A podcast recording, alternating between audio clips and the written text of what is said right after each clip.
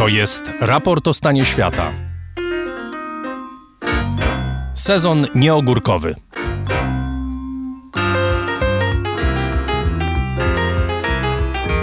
Dzień dobry Państwu, przy mikrofonie Adrian Bąk, a to jest kolejny odcinek raportowego sezonu nieogórkowego.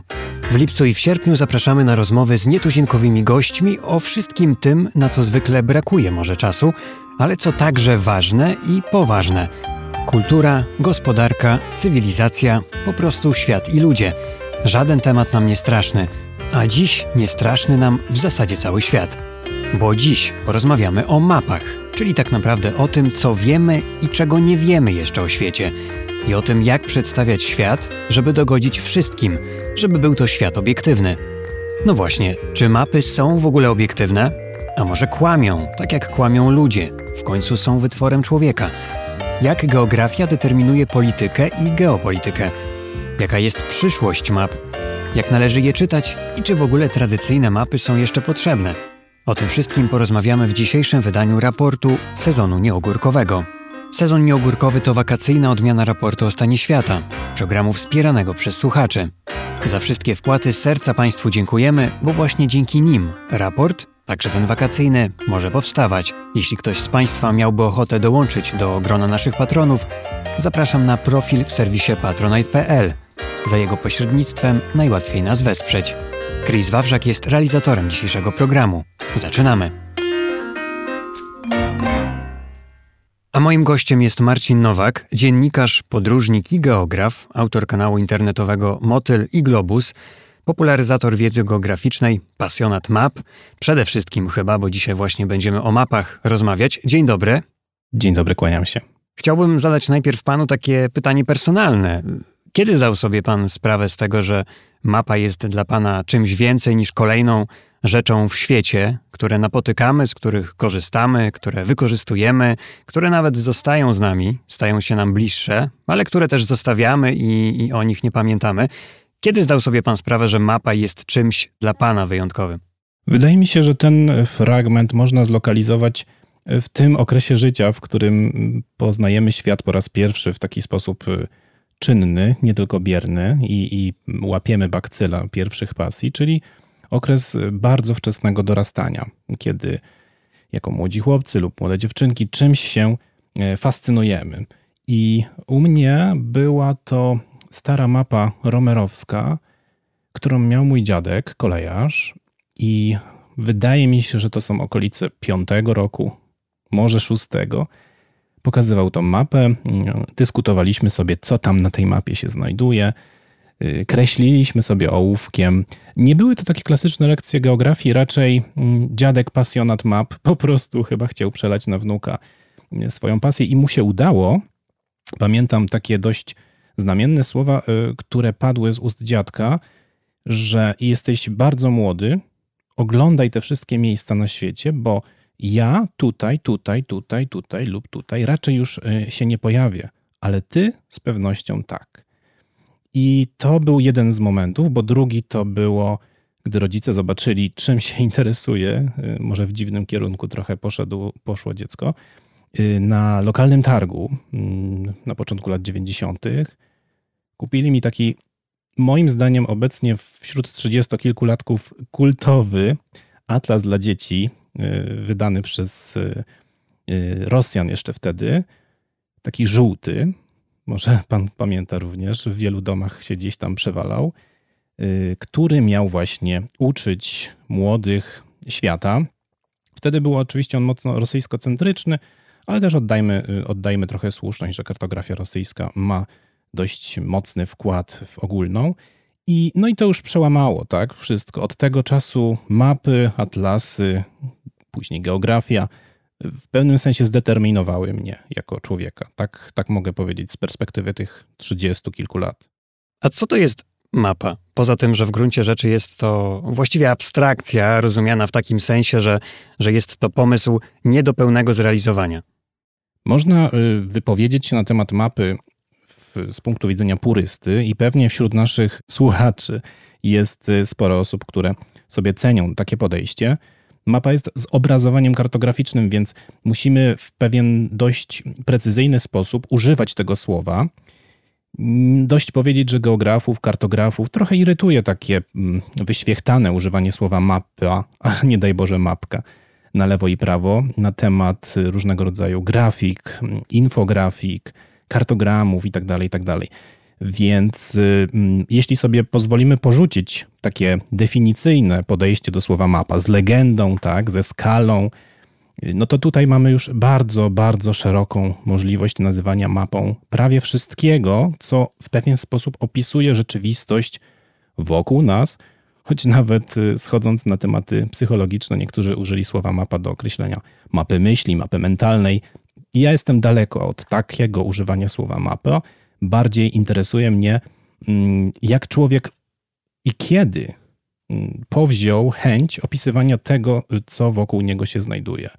O tej historii jeszcze porozmawiamy, ale zaciekawiło mnie to, że pan powiedział, że dla pana, jak rozumiem, mapa myśli to niekoniecznie jest mapa. I tutaj można by zapytać w takim razie, co potrzeba do stworzenia mapy, co łączy wszystkie mapy, szczególnie te rozumiane w taki sposób najbardziej tradycyjny przez kartografów. Oczywiście, no przede wszystkim y, dobra mapa, podstawowa mapa, mapa będąca mapą w ujęciu kartograficznym, musi mieć legendę i musi mieć skalę. I jeśli legenda i skala jest takim załącznikiem nieodzownym, podstawowym e, tego, co chcemy zaprezentować w sposób graficzny, to możemy już wtedy mówić o właśnie ujęciu mapy tak po bożemu, po, po e, bardzo mm, uczelnianemu, Natomiast, no niestety, muszę powiedzieć dość kardynalnie, że wszystkie zobrazowania, które mapy przypominają, mapy wyborcze, mapy, yy, które oglądamy w prognozie pogody, w telewizji, mapy różnego rodzaju preferencji społecznych, bez takiego uściślenia w postaci legendy, w postaci skali, w postaci opisania piktogramów, czyli legendy, nie może się nazywać mapą lub tym bardziej mapką. Ale ja już się do tego przyzwyczaiłem, bo ciężko jest oczywiście używać w takiej perswazji słownej, zwłaszcza, tak? Czy na przykład w różnego rodzaju yy, zobrazowaniach wizualnych, a żyjemy w społeczeństwie obrazkowym, yy, ujęcia tego w cudzysłów. No, mapa w cudzysłów może być ujęta y, w wielu przypadkach i wtedy rzeczywiście temat jest zamknięty, ale jeśli mamy okazję, to przypomnijmy sobie, że słowo mapa jednak jest ujęte w pewnej konkretnej definicji. Czyli jak rozumiem, na przykład sam tekst nie może być mapą. Mapa musi mieć postać graficzną, mapa musi mieć, tak jak pan mówi, legendę i skalę, tak? Sam opis mapy nie może być mapą. Myślę, że poeci nie zgodziliby się z tą tezą, tym bardziej, że nasze dwie wybitne noblistki lubiły się do map odwoływać i z punktu widzenia takiej licencja poetyka jak najbardziej tekst słusznie, ciekawie, intrygująco opisujący okolice, może być mapą, nie wiem, literacką, czy też mapą perswazji, mapą y, odczuć. Natomiast y, no, z mojego punktu widzenia oczywiście to, o czym pan mówi, taką klasyczną mapą nie jest. Jak pan patrzy na mapę, bo to w zasadzie też jest o to pytanie, jak pan patrzy na mapę, to na co pan patrzy w pierwszej kolejności? Jak pan czyta mapę? Czy mapę powinno się czytać od ogółu do szczegółu, a może odwrotnie, może od szczegółu, wybranego szczegółu do ogółu. A może nie ma jednego sposobu czytania mapy, może to jest po prostu indywidualne, tak samo jak indywidualne jest samo podejście do mapy e, lub to, czym jest tak naprawdę mapa. Jako pasjonat y, map, jako właściwie można powiedzieć taki pozytywny fanatyk, zawsze zachęcam do tego, aby mapy czytać jak książki. Da się to oczywiście zrobić. Y, do tego jest potrzebna jakaś mm, podstawowa, rozszerzona, można powiedzieć, lekko rozszerzona, y, lekko, lekko rozszerzony zasób kreatywności i można spędzić nad taką mapą, no nie wiem, godziny, dni, wyobrażając sobie tak naprawdę, co znajduje się pomiędzy tymi izoliniami, czy co znajduje się pomiędzy tymi wyspami y, wybrzeża Szkierowego, co znajduje się pomiędzy tymi wyspami wybrzeża dalmatyńskiego. Dlaczego ono tak, a nie inaczej wygląda? Co zdeterminowało? Co z tego wynika? Dlaczego takie miasto jest w tym miejscu, a inne w innym? Więc y, z mojego punktu widzenia mapy zawsze służyły w celach relaksujących, w celach y, pewnego zrozumienia świata, zastanawiania się nad pewnymi procesami, które wokół nas funkcjonują teraz, 10, 50, 100 lat temu, a nawet 25 tysięcy lat temu, do czego mam nadzieję wrócimy. I jest to taki też element praktyczny, tak? W siedzeniu, w interpretowaniu, w czytaniu map. Jeśli ktoś lubi, to po jakimś czasie zauważy, że mapy wgrywa się do głowy, tak jak pliki y, y, cyfrowe. Ciężko z książkami, chociaż oczywiście jest dużo ludzi, którzy, na przykład moja żona, y, zna pana Tadeusza na pamięć, ale jednak później wgranie mapy przydaje się w pewnej interpretacji terenu wokół nas w tłumaczeniu na przykład innym osobom, dlaczego tak, a inaczej wygląda ten pagórek, to ujście rzeki, czy położenie tego miasta. Panie Marcinie, skoro wspomina Pan o tym położeniu miasta, chciałbym trochę tak to też y, skonkretyzować, to y, o czym Pan mówi. I sobie tak pomyślałem, ponieważ niestety nie udało nam się y, spotkać na żywo, rozmawiamy na linii Warszawa-Bytom, to sobie tak pomyślałem, jeśli ma pan pod ręką jakąś mapę Polski, na pewno mógłby pan mieć przed oczami taką mapę Polski. Jakby pan zobrazował taki dystans, taką drogę pomiędzy Warszawą a Bytomiem? Jak pan by przeczytał tę odległość na mapie? Jak pan by przeczytał e, położenie tych dwóch miast? Akurat mapy Polski przy sobie nie mam, co nie znaczy, że nie możemy się odnieść do tej linii, którą rzeczywiście już gdzieś przed oczami widzę. Przede wszystkim trzeba zrozumieć kontekst zakładania czy mm, jakby umiejscowiania niektórych miast w Polsce. Na początku były one mocno rzekocentryczne i dopasowane bardzo często do brodów nad rzekami. I tutaj w Warszawie, oczywiście bliżej do tej e, gene, genezy e, geograficznej czy toponimii. Bytom takim miastem nie był, ale był miastem takim klasycznie położonym na e, przecięciu, to już jest takie trochę wyświechtane, tak? Na przecięciu szlaków handlowych przy czym rzeczywiście w samym środku pomiędzy rosnącymi ośrodkami i biskupimi, i handlowymi Wrocław, y, Wrocław i Kraków i oczywiście na Via Regia, która biegnie na przykład od Erfurtu do Lwowa. Więc jego położenie jest zdeterminowane raczej przez linię y, wschód-zachód i do Warszawy ma no, mało, mało możliwości jakiegoś geograficznego zaczepienia i szukam tych możliwości. Obecnie dopiero widzę je w postaci szlaków komunikacyjnych, które sobie zafundowaliśmy całkiem niedawno, czyli autostrad, które też w młodości się kreśliło na mapach ogłówkiem, wymyślało i no niektóre biegną po tych śladach młodzieńczych marzeń. To autostrada bursztynowa oczywiście, która w którymś tam momencie od, od, odskakuje do Warszawy po śladzie dawnej Gierkówki. Kolej niestety nie, ponieważ ten najszybszy polski fragment kolejowy to jednak przez zawiercie biegnie. Y, więc y, z tego punktu widzenia nie widzę żadnych punktów zaczepienia na tej linii. Gdzieś po środku jest Piotrków Trybunalski, może rzeka Pilica, która y, wypływa nieodlegle stąd. Na pewno historyczna linia też działa na korzyść, na korzyść Bytomia, który jest miastem starszym, o układzie średniowiecznym i zdecydowanie bardziej takim osadzonym w, w historii miast zakładanych na przykład na prawie magdeburskim. Skoro wspomina Pan o historii, to chciałbym, żebyśmy odnieśli się do tej jeszcze dawniejszej historii. Skąd się wzięły mapy? Ja czasami na mm, wykładach właśnie na temat historii map mówię, że mapy sobie człowiek wydeptał, bo w pierwszej fazie, kiedy wyszedł z tych rejonów Afryki, które umożliwiły mu w czasie, w czasie transgresji mórz wyjście przez tak zwane dzisiaj wrota łez, mm, cieśninę pomiędzy Y, Djibouti a Jemenem wyjść w świat, no to dopiero wtedy można było poprzez poznawanie wybrzeży morskich czy, czy rzek w ogóle pomyśleć o tym, że y, świat trzeba w jakiś sposób kartować, ale zaznaczam tylko jeszcze, że to są czasy, gdy poziom mórz był dużo niższy i świat zupełnie inaczej wyglądał, ponieważ mieliśmy takie lądy jak na przykład Beringia, która połączyła Eurazję z Ameryką Północną dzisiejszą, czy na przykład Sunda, która była ogromnym półwyspem zawierającym w sobie dzisiaj archipelag malajski i tak dalej, i tak. Natomiast ciekawe są historie z Europy, dokładnie na przykład z About Lamiculo. Nigdy nie byłem dobry w języku baskijskim yy, czy kastylijskim. To jest bardzo ciekawa historia, w której jedna z najstarszych quasi-map pokazuje w sposób taki wachlarzowaty mm, teren wokół jakiegoś miejsca. Dopiero naukowcy później doszli do wniosku, że to jest pod latarnią najciemniej bardzo proste miejsce. To jest wyjście z jaskini. I co człowiek z tego miejsca, e, z którego rozpościerał się widok wachlarzowaty z jaskini widział? Otóż widział to, co było dla niego najważniejsze. Rzeczy zmienne i rzeczy stałe.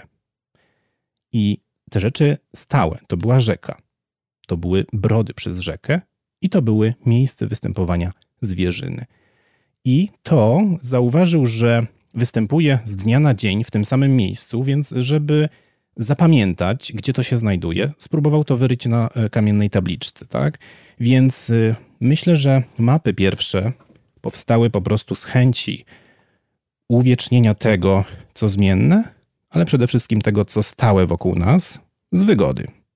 Oczywiście pan do tego nawiązał, ale możemy przejąć, że mapy nie zawsze wyglądały tak samo, bo na przestrzeni historii były różne mody na mapy. Na przykład bywały mody na kreślenie postaci zwierząt na mapach, na przykład ośmiornic, które symbolizowały złe państwa, które e, zagarniały terytoria. Państwa też jako zwierzęta czy ludzie. Był też taki czas w historii, prawda?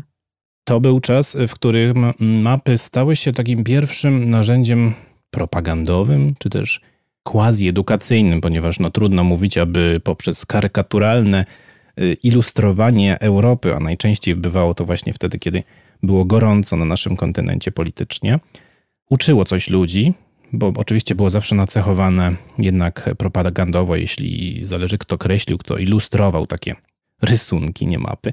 Ale ten pojęcie na przykład o chorym człowieku Europy, jeśli chodzi o Imperium Osmańskie, ono w dużej mierze ugruntowało się właśnie poprzez pewnego rodzaju te kartograficzne karykatury, które zawsze pokazywały tego właśnie chorego człowieka w osmańskim y, ubiorze, leżącego, ledwo zipiącego, gdzieś tam podnoszącego rękę. Tak się składało, że ta postać idealnie wpisywała się w skład tego topniejącego Imperium Osmańskiego. Natomiast no, kariera map propagandowych myślę, że trwa do dziś. W wielu zakresach są używane w różnych celach, ale nie myślmy tylko o Europie, bo nie dalej jak w czasie II wojny światowej na na przykład y, tereny zdobywane przez Imperium Japońskie były zrzucane ulotki z mapami, z rysunkami, y, które pokazywały nowy porządek Azji i tam, gdzie oczywiście Japończycy swoją władzę przesuwali, ludzie byli szczęśliwi na rysunkach, a tam, gdzie jeszcze nie, y, smutni. No właśnie, mówi Pan o tych mapach propagandowych, o mapach perswazyjnych. Mam nadzieję, że jeszcze chwilę o tym porozmawiamy, ale tutaj też jest pewna dychotomia, no bo mapy generalnie mają dawać takie poczucie pewności i bezpieczeństwa. One zakładają pewnego rodzaju autorytet kulturowy, jakąś autentyczność, ale jak popatrzymy sobie na tradycyjne mapy współczesnego świata, już odchodząc od tego ładunku propagandowego, o którym mam nadzieję jeszcze porozmawiamy, to przecież te tradycyjne mapy współczesnego świata też w jakiś sposób kłamią. Przecież Afryka jest zdecydowanie większa niż zajmuje miejsca na standardowej mapie świata względem innych kontynentów, co można sobie sprawdzić na przykład na takiej stronie True Size Of, prawda? Ja długo się nad tym zastanawiałem, e, nad tym twierdzeniem, które boli oczywiście geografów i kartografów, e, że mapy kłamią. I mm, no właśnie wspomniane dwie noblistki, zarówno e, Wisława Szymborska, jak i Olga Tokarczuk też takiego stwierdzenia używają. Przerzucam to właśnie na poetycką interpretację, bo w rzeczywistości wszyscy wiemy, że zobrazowania, o których mówimy, mm, zobrazowania zbyt małej, mm, pokurczonej trochę Afryki czy Ameryki Południowej, wynikają nie ze złych intencji, oczywiście, czy jakichś celowych działań, tylko właśnie z wyboru zobrazowania kartograficznego.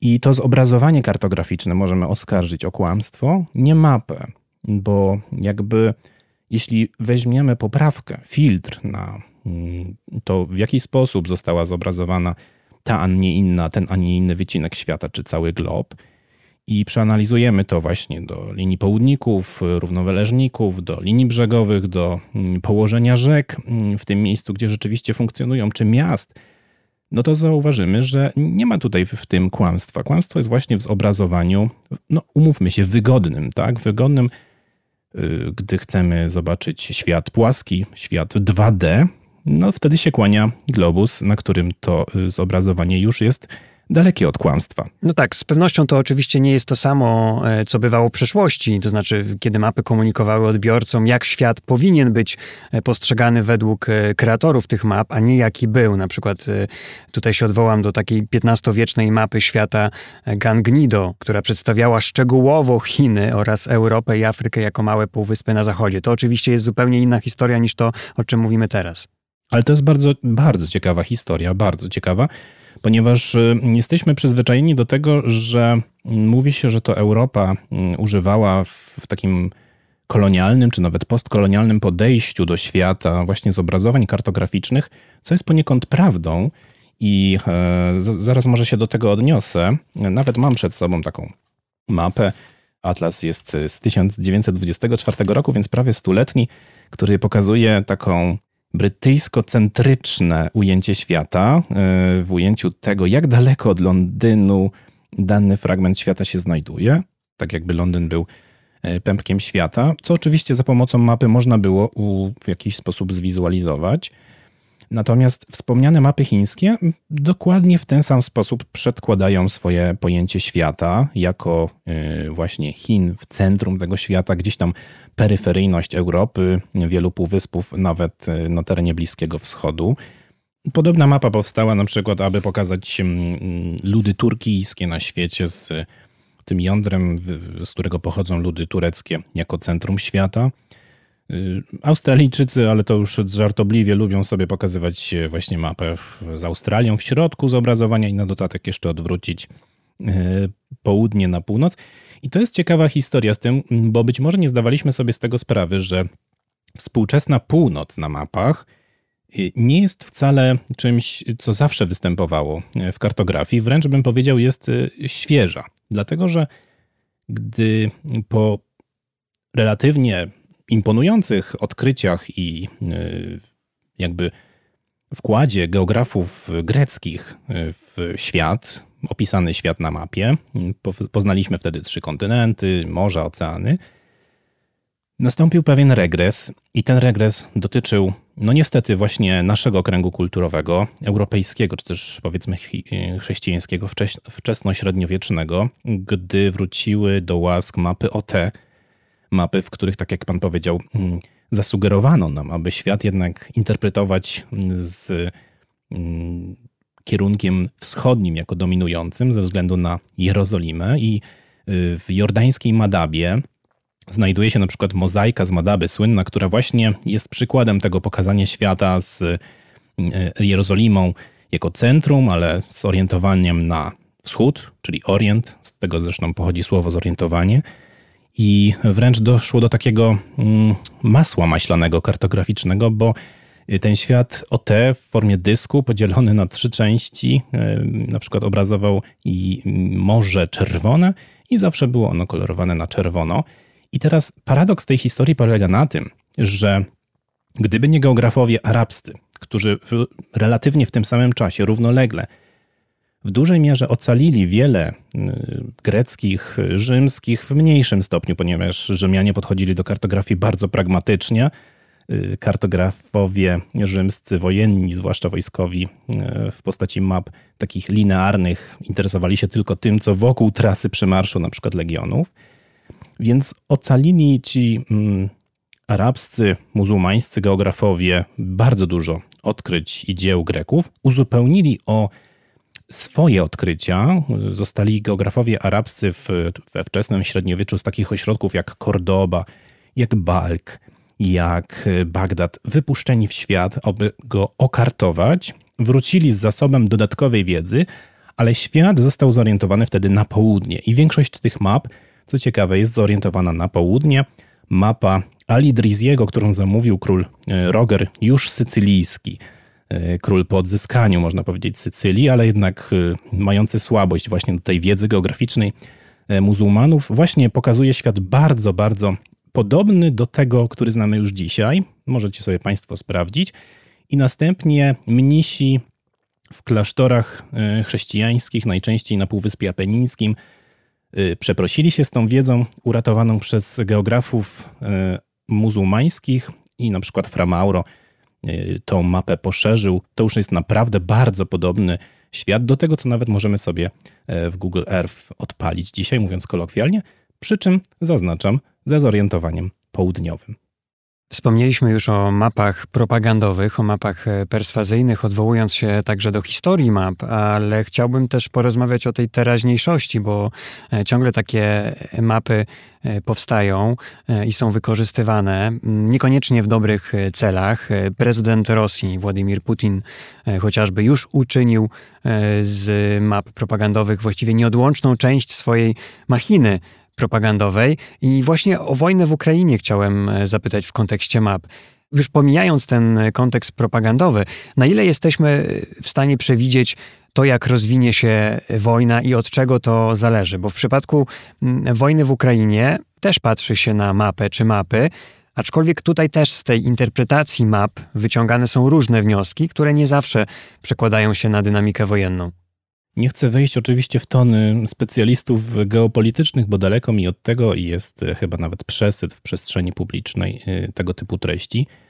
Natomiast niewątpliwie mm, na początku wydarzeń tych wojennych w Ukrainie ponad rok temu przyjrzałem się jeszcze raz geografii tego kraju, z której naprawdę wiele można było wcześniej wywnioskować na temat e, poszczególnych działań, które potem się odbędą.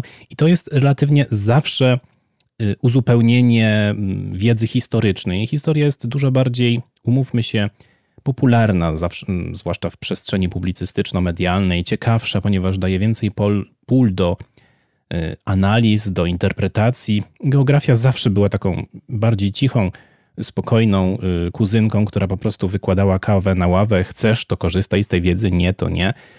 Patrząc na mapę Ukrainy, mogliśmy wiedzieć, że bardzo trudno w okresie na przykład y, roztopów, y, czyli tak zwanego przedwiośnia marcowo-kwietniowego, będzie prowadzić działania na granicy ukraińsko-białoruskiej, dlatego że tam od wieków mm, znajdują się bagna polskie, a dla tych, którzy obserwują mapy i znają takie piktogramy jak przerywane poziome linie, zagęszczone y, w dużej liczbie, wiedzą, że to jeden z największych tego typu bagiennych, podmokłych obszarów wciąż na terenie Europy.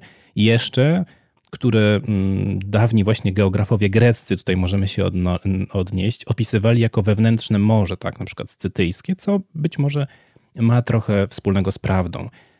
I e, patrząc na mapę Ukrainy, wiemy, że większość rzek, które płynie, potężnych rzek przez ten kraj, zwłaszcza Dniepr, y, też determinuje wiele działań i to nie tylko na przestrzeni tej wojny, ale na przestrzeni wielu innych wydarzeń historycznych. Tak? Generalnie rzeki zawsze się gdzieś przy wydarzeniach historycznych pojawiają, zwłaszcza w tych przełomowych momentach, bo rzeki opierają się fronty, do czego też przyzwyczailiśmy się my teraz tutaj.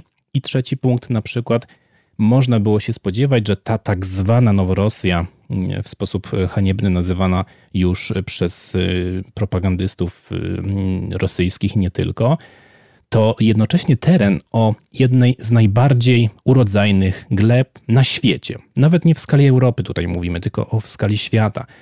Ma to swoje konotacje związane z czym? Z chęcią tak, na pozyskanie tych ziem oraz z punktu widzenia takich działań wojennych, tutaj również mówimy, że w czasie roztopów, czy w bardzo takich wilgotnych mm, okresach, mm, poruszanie się po tym y, czarnoziemnym y, terenie jest bardzo utrudnione, ponieważ żyzna ziemia, ergo trudna do przebycia przez ciężki sprzęt itd. Tak itd. Tak mm, historia zawsze wynika z geografii i to z tej geografii najbardziej neutralnej, najbardziej uczciwej, najbardziej trudnej do mm, nadużyć, czyli geografii fizycznej, fizyczno-geograficznej. Nazwa fizyka, no to zawsze kojarzy mi się z moim kolegą Tomkiem Rożkiem, którego pozdrawiam serdecznie, kolegą ze szkoły, ale ta fizyczność map mm, jest czymś, co ja najbardziej lubię, ponieważ właśnie z geografii fizycznej wiele wynika i tego nie można nagiąć, co, jak wiemy, jest bardzo łatwe w przypadku na przykład geografii politycznej czy geografii społecznej, która już oddaje więcej pól do interpretacji, zwłaszcza kiedy pojawi się słowo jakie? Granice. No i tutaj już jest niestety ogromny, y, osobny nawet temat do dyskusji. Z drugiej strony można by też powiedzieć, że historia wynika też z tego, co rodzi się w głowach przywódców, którzy niekoniecznie może znają e, czy polegają na tym kontekście geograficznym. Na przykład magazyn Foreign Policy pisze, że w wojnie Putina mapa to właściwie nie terytorium, a przedstawienia terytorium rzekomo okupowanego przez Rosję wprowadzają w błąd. Pan wspomniał o tym kontekście geopolitycznym. Chciałem jeszcze chwilę przy tym pozostać, bo e, istnieje spora rzesza geopolityków i dziennikarzy, którzy wychodzą z założenia, że no właśnie, mapy determinują politykę, rolę państwa, wielkość państwa.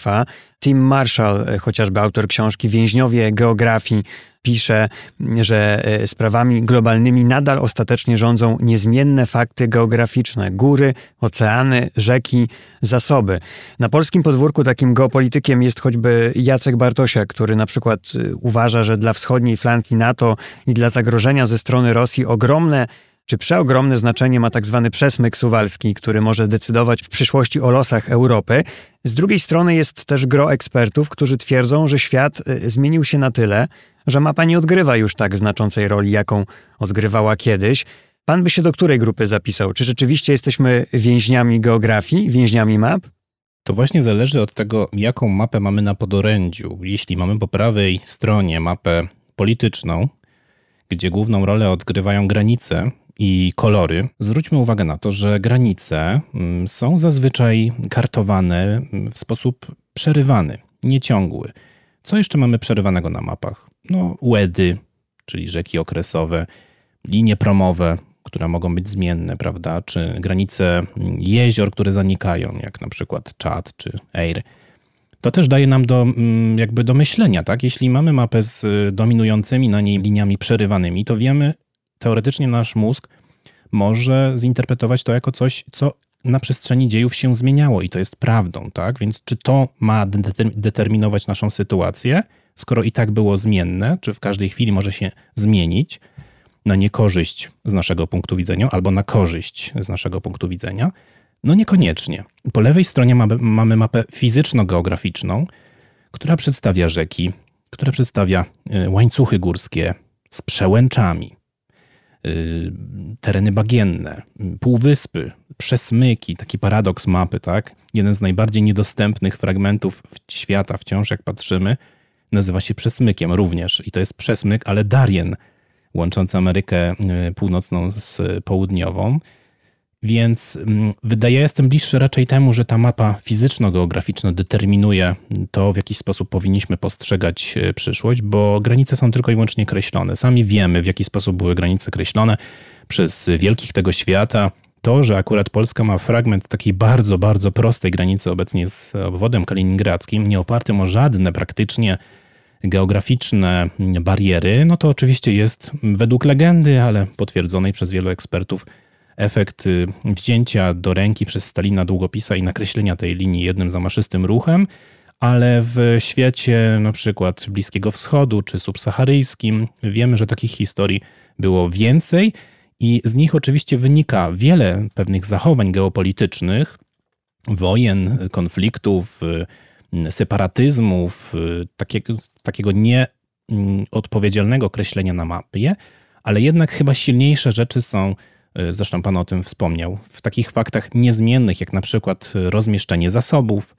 czy linii brzegowych, czy strategicznych półwyspów, przełęczy itd., tak itd. Tak Chciałbym też, żebyśmy porozmawiali o nowych mapach, bo przecież poza tymi tradycyjnymi mapami mamy teraz inne nowego rodzaju mapy. Mamy mapy Google, mamy mapy 3D, mamy mapy aktualizowane właściwie na bieżąco. Co nam dają nowe mapy, czego nie mogły e, dać nam mapy tradycyjne? Czy my w ogóle możemy mówić, że żyjemy w czasach rewolucyjnych dla map? Tak, myślę, że żyjemy w, na świeżo, w, w czasie wielkiej rewolucji cyfrowej dla kartografii.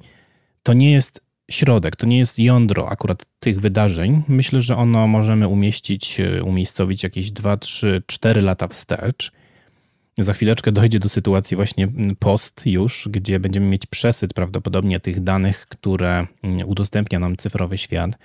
Z mojego punktu widzenia jest to oczywiście mm, dobrodziejstwo, ponieważ e, no nie ukrywam, że jako wielki miłośnik analogowego świata kartograficznego również jednak e, wpadłem w ten wir zainteresowania właśnie mapami cyfrowymi mm, online i te narzędzia są stale poszerzane, tak, y, rozbudowywane. Przede wszystkim są bardzo pragmatyczne i takiemu przysłowiowemu Nowakowi nomen omen czy Kowalskiemu są bardzo przydatne. Więc kartografia z takich sfer pewnego luksusu, bo jak cofniemy się na przykład do czasów, w których w Europie na przykład takim głównym ośrodkiem kartograficznym była Antwerpia i pierwsze atlasy tworzone były dla bardzo wpływowych, możnych i bogatych ludzi, którzy sobie te atlasy zamawiali, no to tutaj taką klamrą dochodzimy do sytuacji, gdy właśnie każdy ma dostęp do najbardziej rozbudowanej formy map, e, jaką mamy. Gdzieś tutaj widzę oczywiście zagrożenie, mm, zagrożenie odejścia od e, map analogowych, natomiast no nie będę tutaj bumerował. Tak jest świat i tak musi prawdopodobnie być. Nie Ale z drugiej oczywiście. strony też myślę, że warto chwilę porozmawiać o tych zagrożeniach. Chociażby odwołałbym się tutaj do nawigacji, bo nawigacja to też przecież mapy. Badanie przeprowadzone w 2022 roku przez firmę United Tires wykazało, że w 20 amerykańskich miastach z największą liczbą samochodów na mieszkańca aż 93% kierowców polega na nawigacji GPS. Oczywiście coraz lepsze mapy nawigacyjne to przede wszystkim mnóstwo korzyści, także, ale z drugiej strony no, tęsknimy często do czasów, gdy taksówkarze, którzy potrafili przejechać miasto bez mapy i wybrać najkrótszą trasę, teraz są wyposażeni we wszelkie mapy. Może lepiej, gdyby zamiast nawigacji wyposażyli się w mapę tradycyjną i ją opanowali w stopniu przynajmniej zadowalającym. Kącik ust mi się tutaj zachwiał, gdy powiedział pan o taksówkarzu, który wybierze na pewno najkrótszą drogę. Dobrze by tak było oczywiście, natomiast y, jakby dostępność do chociażby Google Maps, jeśli możemy użyć y, nazwy akurat tego produktu, pozwala klientowi skontrolować tego taksówkarza i sprawdzić, czy rzeczywiście jedzie najbardziej optymalną trasą dla niego, ale to oczywiście taki y, abstrahując od tego wszystkiego. Ja to zagrożenie oczywiście widzę. Widzę przede wszystkim w tym, że mm, młodzież traci umiejętność orientacji w terenie. Tak? To mm, używanie cyfrowego odpowiednika mapy papierowej jest wygodne, atrakcyjne i ciekawe. Natomiast no, na pewno nie poszerzy możliwości na przykład interpretacji izolinii, czy e, wytłumaczenia, czym jest trawers w górach, e, w jaki sposób pokonać dany masyw itd., tak itd. Tak Te amerykańskie miasta, które ze względu na wielo, wielopasmowość swoich dróg, czasami jak wiemy są to 6, 7, 8 pasów, no i zdominowane właśnie przez betonozę taką prosamochodową, też tracą te swoje punkty orientacyjne, które mogłyby być substytutem dla człowieka y, w orientowaniu się w terenie bez tych nawigacji. Więc może im amerykańskie miasta są trochę tutaj rozgrzeszone i wytłumaczone. Natomiast rzeczywiście jeszcze w tej przestrzeni europejskiej wydaje mi się, że mamy masę, masę różnego rodzaju dominant w krajobrazie, które są w stanie człowiekowi pomóc jednak w orientacji w terenie bez mapy cyfrowej, czy bez przede wszystkim nawigacji, bo o niej rozmawiamy.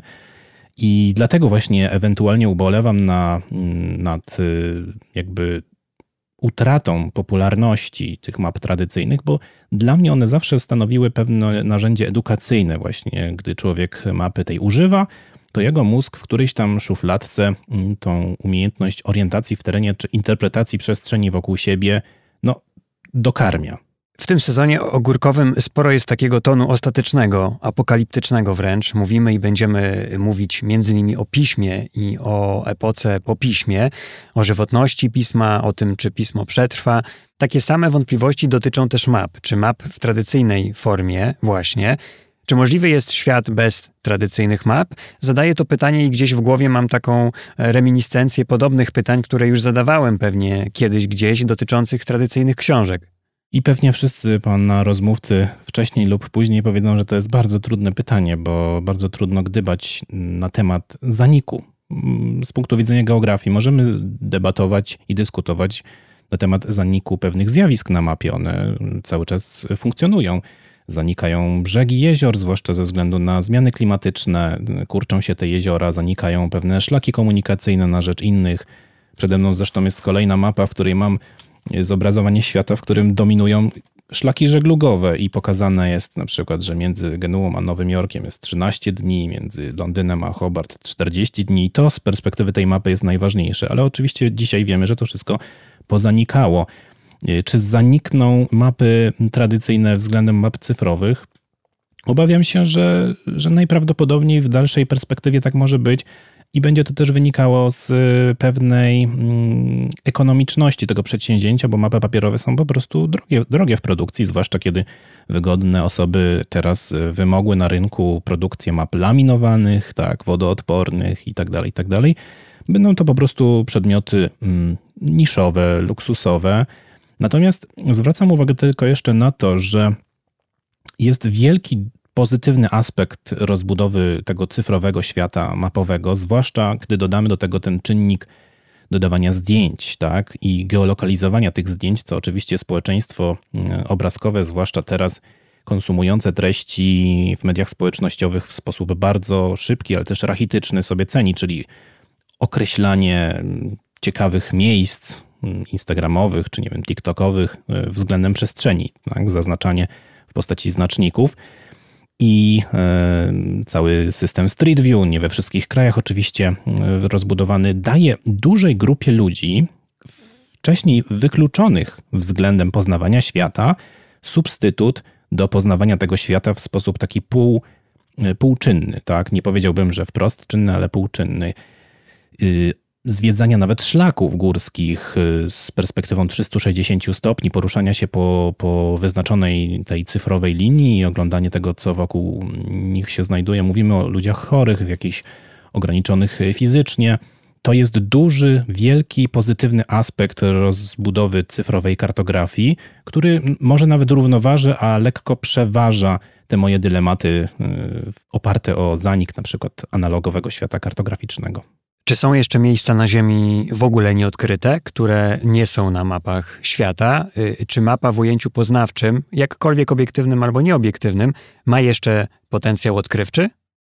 To jest bardzo ciekawe pytanie, y, w którym można jakby samo jedno słowo zanalizować na kilka różnych rodzajów. Kiedyś zauważmy, mówiono o Kolumbie czy, czy innych żeglarzach, którzy dla nas, tutaj używam cudzysłów oczywiście, odkrywali świat, że właśnie byli odkrywcami. Słowo odkrywanie samo w sobie jest nacechowane mocno niemetaforycznie, tak? Jeśli coś odkrywam, to z mojej perspektywy to wcześniej nie istniało, w związku z czym jeśli to okartuję, umieszczę na mapie, to zostało odkryte. Pytanie, czy rzeczywiście zostało odkryte po prostu, czy zostało przeze mnie naniesione na mapę dla mojej grupy odbiorców, która wcześniej o nim nie wiedziała, mimo że wcześniej przecież w tym miejscu dużo ludzi było i dużo lepiej znało ten teren niż ja. Więc myślę, że takich miejsc do odkrycia przez kartujących, przez tworzących mapy nie ma już zbyt wiele, zwłaszcza kiedy uznamy, że zaprzęgnięte zostały do kartografii satelity. E, satelity bardzo dokładne, które są w stanie nam pokazać prawie każdy fragment na Ziemi. Myślę, że do odkrycia, czy też do okartowania geograficznego jest paradoksalnie dużo więcej miejsc w głąb naszego globu. Mówię tutaj oczywiście o dnach oceanów, które na pewno nie są przez nas odpowiednio okartowane, czy w głębiach y, skorupy ziemskiej. Mówię tutaj oczywiście o systemach krasowych, jaskiniowych, które też w moim Y, według mnie nawet w mniejszości niż w większości są przez człowieka w jakiś sposób odkryte. Jeśli słowo odkryte będziemy tutaj y, konotować z kartowaniem mapowym. Bardzo dziękuję. Marcin Nowak, dziennikarz, podróżnik i geograf, autor kanału internetowego Motyl i Globus, popularyzator wiedzy geograficznej e, i pasjonat map, był gościem raportu sezonu nieogórkowego. Dziękuję, kłaniam się. A raport sezonnie ogórkowy, podobnie jak pozostałe nasze raporty, powstaje dzięki Państwa ofiarności. Za wszystkie wpłaty z serca dziękujemy.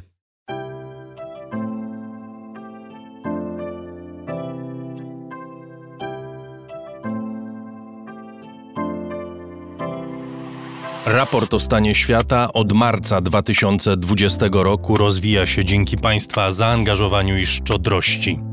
To dzięki Wam możemy opowiadać o świecie przy pomocy dźwięków.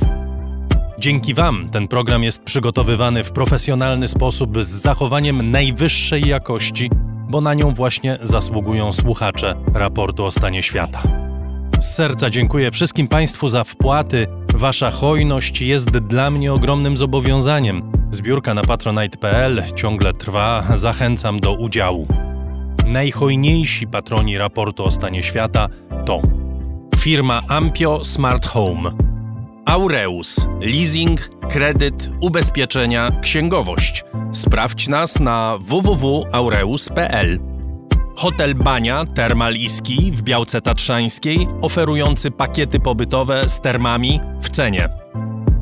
Mikosz Barczewski 2005 Global.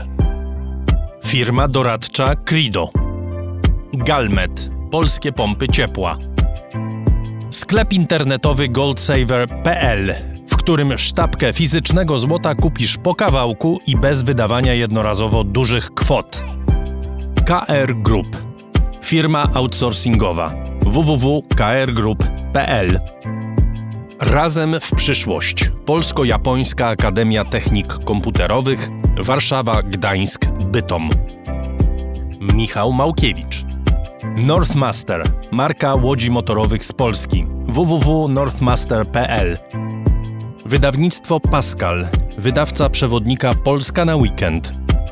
Firma Software Mill, od zawsze zdalni programują dla całego świata. Dom wydawniczy Muza, bo świat nie jest nam obojętny. Pure Play, transparentna agencja mediowa digital i doradca w budowaniu kompetencji in-house. Uber. Myślimy globalnie, działamy lokalnie. Agnieszka i Sławek Zawadzcy. A także Budros Pompy Ciepła. Gruntowe pompy ciepła dla budynków przemysłowych i wielorodzinnych. Kompleksowa obsługa. Liceum Błeńskiej Gdańsk-Kowale. Przemyślana edukacja w dobrym miejscu. Piotr Bochnia. Michał Bojko. CIO Net and Digital Excellence. Łączymy ludzi i idee. Grupa brokerska CRB. Ubezpieczenie należności dla Twojej firmy. Bezpłatne porównanie ofert www.grupacrb.pl Duna Language Services. Biuro tłumaczeń do zadań specjalnych www.duna.biz Flexi Project. Kompleksowy i intuicyjny system do zarządzania projektami i portfelami projektów. JMP. Z miłości do sportu, z najlepszych tkanin w sercu Podhala szyjemy dla Was porządną odzież. Palarnia kawy La Cafo z Augustowa. LSB Data. Dedykowane aplikacje internetowe dla biznesu. Masz pomysł? Zrealizujemy go. lsbdata.com Wydawnictwo Uniwersytetu Łódzkiego. Wydawca książek serii Krótkie Wprowadzenie. Wszystko, co trzeba wiedzieć. Leszek Małecki. Aplikacja Moja Gazetka. Polska proekologiczna aplikacja zakupowa z gazetkami promocyjnymi i nie tylko. Moja Gazetka. Kupuj mądrze. Firma Prosper z Sosnowca, hurtownia elektroenergetyczna i właściciel marki Czystuś. Firma ODO24. Optymalny kosztowo outsourcing ochrony danych osobowych ODO24.pl Tatrzański Festiwal Biegowy Tatra Sky Marathon 22 lipca biegamy w sercu Tatry i gminy Kościelisko. Tixto.pl Niezależny serwis biletowy. Sprzedamy bilety na Twoje wydarzenia kulturalne i sportowe. Drukarnia cyfrowa totem.com.pl Dla nas książka zasługuje na najwyższą jakość.